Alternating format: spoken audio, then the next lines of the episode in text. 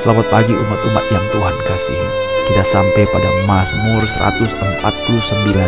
Demikianlah firman Allah. Haleluya. Nyanyikanlah bagi Tuhan nyanyian baru. Pujilah dia dalam jemaah orang-orang saleh. Biarlah Israel bersuka cita atas yang menjadikannya. Biarlah Bani Sion bersorak-sorak atas raja mereka. Biarlah mereka memuji-muji namanya dengan tari-tarian. Biarlah mereka bermasmur kepadanya dengan rebana dan kecapi sebab Tuhan berkenan kepada umatnya. Ia memahkotai orang-orang yang rendah hati dengan keselamatan. Biarlah orang-orang saleh beria-ria dalam kemuliaan. Biarlah mereka bersorak-sorak di atas tempat tidur mereka. Biarlah pujian pengagungan Allah ada dalam kerongkongan mereka dan pedang bermata dua di tangan mereka untuk melakukan pembalasan terhadap bangsa-bangsa, penyiksaan-penyiksaan terhadap suku-suku bangsa, untuk membelenggu raja-raja mereka dengan rantai, dan orang-orang mereka yang mulia dengan tali-tali besi untuk melaksanakan terhadap mereka hukuman seperti yang tertulis. Itulah semarak bagi semua orang yang dikasihnya. Haleluya. Sampai di sini pembacaan kitab suci.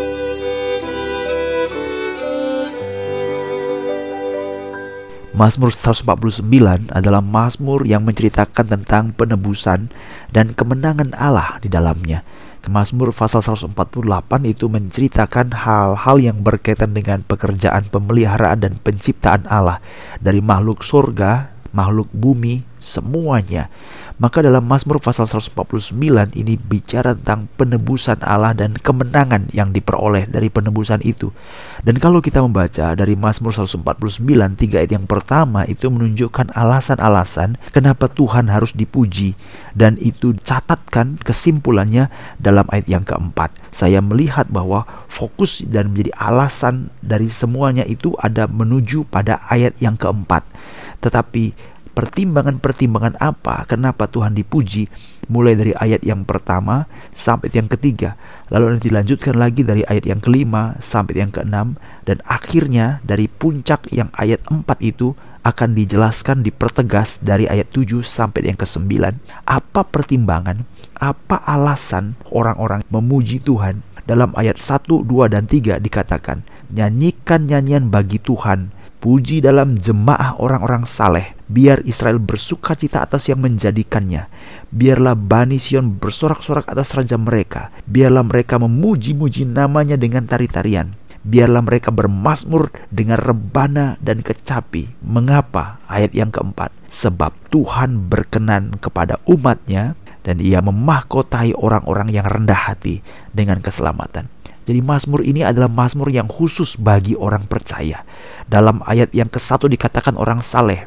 Kalau kita membaca dari ayat yang kedua dikatakan yang menjadikan atau yang dijadikan. Berarti ini bukan bicara masalah sesuatu pekerjaan-pekerjaan hanya mencipta. Tetapi ada suatu hal yang berkaitan dengan kesalehan dan menjadikan. Efesus pasal 2 ke-10 mengatakan kita ini adalah buatan Allah diciptakan dalam Kristus Yesus. Jadi itu adalah pekerjaan keselamatan yang menjadikan atau menciptakan kita menjadi ciptaan yang baru. Kemudian kalau kita membaca dalam ayat yang keempat, karena ada istilah memahkotai dengan keselamatan.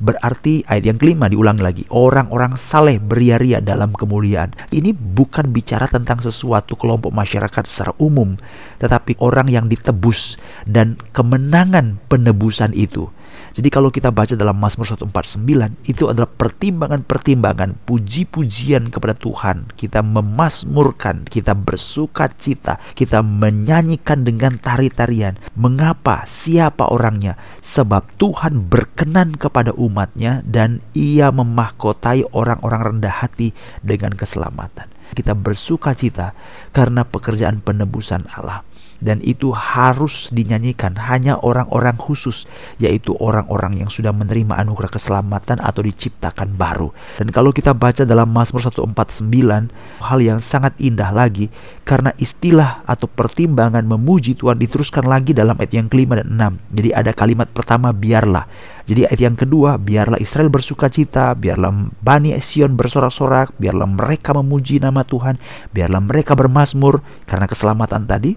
Maka dalam ayat yang kelima dan enam diulang lagi, biarlah orang saleh beria-ria, biarlah mereka bersorak-sorai, biarlah pujian pengakuan kepada Allah ada di dalam mulut dan kerongkongan mereka. Jadi biarlah, biarlah, biarlah.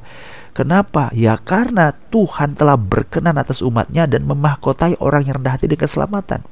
Kita bersyukur karena keselamatan itu sendiri.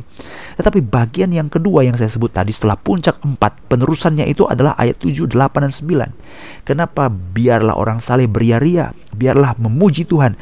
Karena pekerjaan penebusan Allah itu tidak akan gagal tetapi akan sempurna dalam ayat yang ketujuh dikatakan pada akhirnya endingnya Tuhan menebus itu sudah sempurna saudara-saudara. Penebusan Kristus di kayu salib itu sudah sempurna, tidak ada yang kurang. Tetapi ini kan akan sampai pada penebusan yang sempurna atau konsumasi di mana kefasikan itu akan secara total akan hilang. Jadi sekarang ini ada gandum yang masih bertumbuh dengan lalang.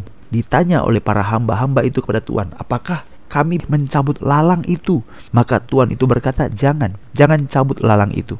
Nanti dia akan bertumbuh kalau nanti gandum dicabut maka lalangnya juga akan ikut tercabut jadi biar saja lalang itu tumbuh bersama dengan gandum karena nanti pada akhir zaman akan ada pemisahan antara gandum dan lalang.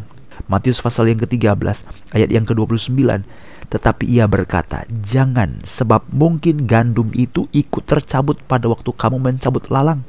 Biarkan keduanya tumbuh Matius 13:30 sampai waktu menuai. Dan pada waktu itu aku akan berkata kepada para penuai kumpulkan dahulu lalang itu ikat berberkas-berkas untuk dibakar kemudian kumpulkan gandum itu ke dalam lumbungku. Nah, ini adalah sesuatu peristiwa konsumasi di mana pada akhirnya nanti akan ada pemisahan. Jadi sekarang ada kefasikan yang masih timbul bersama-sama dengan kesucian. Bahkan orang-orang fasik juga menggunakan atribut-atribut kesucian. Sekarang ini susah membedakan mana gereja yang benar, mana gereja yang sesat, mana orang-orang yang hanya menggunakan kekristenan sebagai tempelan untuk melaksanakan kepuasan-kepuasan jasmani mereka. Sama-sama kok berdoa, sama-sama kok berkhotbah, sama-sama kok memberitakan firman Tuhan. Iya, itu akan terjadi, itu masih terjadi.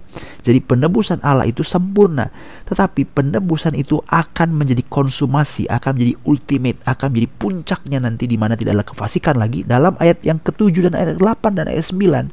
Mazmur 149. Jadi pertama, biarlah Israel bersuka cita. Ayat 3, biarlah orang memuji-muji karena Tuhan menyelamatkan.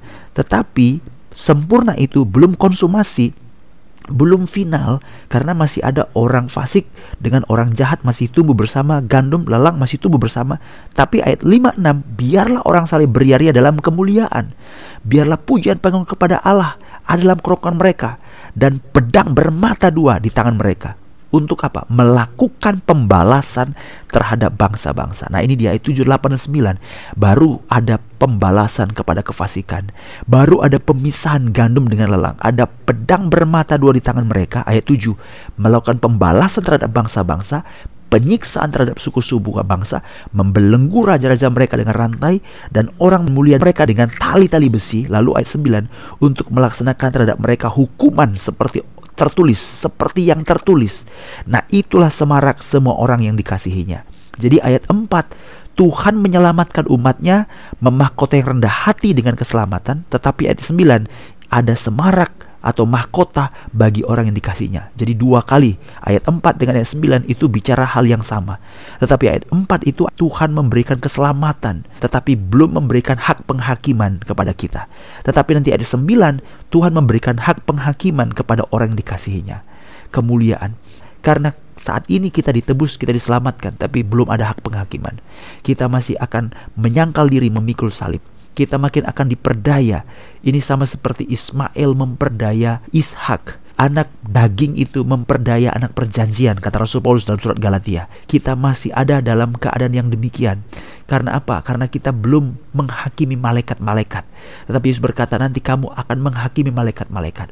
Kamu akan duduk bersama dengan aku di tahta anak manusia bersama dengan kamu akan duduk di tahta itu. Untuk apa? Menghakimi kata Tuhan Yesus dan Paulus mengatakan kamu akan menghakimi malaikat-malaikat. Jadi ini adalah hak penghakiman dalam Mazmur 149 ayat yang ke-9. Kita bersyukur kepada Tuhan karena pekerjaan Allah itu agung.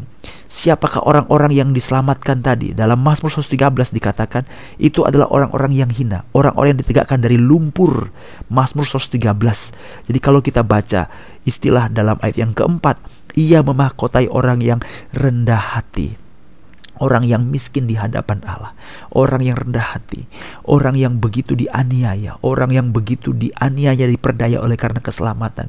Kadang-kadang mereka ini menjadi kelompok kecil yang dianggap suaranya tidak benar, tetapi mereka adalah orang-orang yang justru diselamatkan. Tetapi waktu mereka diselamatkan belum ada kuasa penghakiman. Nanti kuasa penghakiman diberikan dalam ayat yang ke-9, waktu zaman konsumasi, waktu zaman Tuhan akan melenyapkan segala kefasikan, membedakan antara gandum dan lalang. Seperti seperti Matius pasal 13 ayat yang ke-30. Jadi kita bersyukur kepada Tuhan karena Kristus akan menang, karena Kristus akan menang, Kristus akan menang. Kristus akan menang. Filipi pasal yang kedua dikatakan ayat yang ke-8, 9, 10 bahwa Allah meninggikan dia di atas segala-galanya, mengaruniakan kepada dia nama supaya semua lidah boleh mengaku lutut bertelut dan semua akan bersujud kepada dia. Dan kita bersyukur siapakah orang itu yaitu Yesus Tuhan. Dan kita percaya bahwa penggenapan dari Mazmur 149 akan dilaksanakan oleh Allah. Kalau engkau betul-betul percaya, kalau engkau adalah orang-orang yang percaya, kalau engkau betul-betul adalah orang yang tahu bahwa Tuhanmu adalah Tuhan yang sejati, maka engkau akan melakukan aktivitas-aktivitas yang sangat terpilih karena engkau tahu apa yang harus kau lakukan adalah yang kekal, yang bernilai kekal, bukan yang sementara. Apa yang kau perjuangkan, apa yang kau ikhtiarkan, apa yang kau lakukan adalah yang bernilai kekal, bukan yang sementara. Karena pada akhirnya Kristus yang menebus, dia adalah Kristus yang akan menghakimi. Dan engkau adalah orang yang diberikan kemenangan penebusan. Tetapi engkau juga akan diberikan kemenangan, kuasa untuk penghakiman. Menghakimi segala sesuatu. Alkitab berkata dalam ayat yang ke-7, 8, dan 9. Pembalasan kepada bangsa-bangsa, penyiksaan kepada suku-suku bangsa, belenggu raja-raja mereka dengan rantai. Dan orang-orang mulia, bukan orang sembarangan, orang mulia. Hampa, tidak ada lagi artinya. Orang mulia dibelenggu dengan tali besi. Mengapa? Karena ada hukuman dari Allah kepada mereka. Kemuliaan mereka, kebesaran mereka, harta mereka, kuasa politik mereka, militer mereka, senjata mereka tidak ada lagi artinya di hadapan Allah yang akan menghakimi. Pada akhirnya, bukan sekarang. Jadi tetaplah pegang dalam hati dan pikiranmu bahwa semuanya akan berlalu karena Tuhan yang telah menebus adalah Tuhan yang akan menang dalam penghakimannya satu kali kelak. Mari berdoa.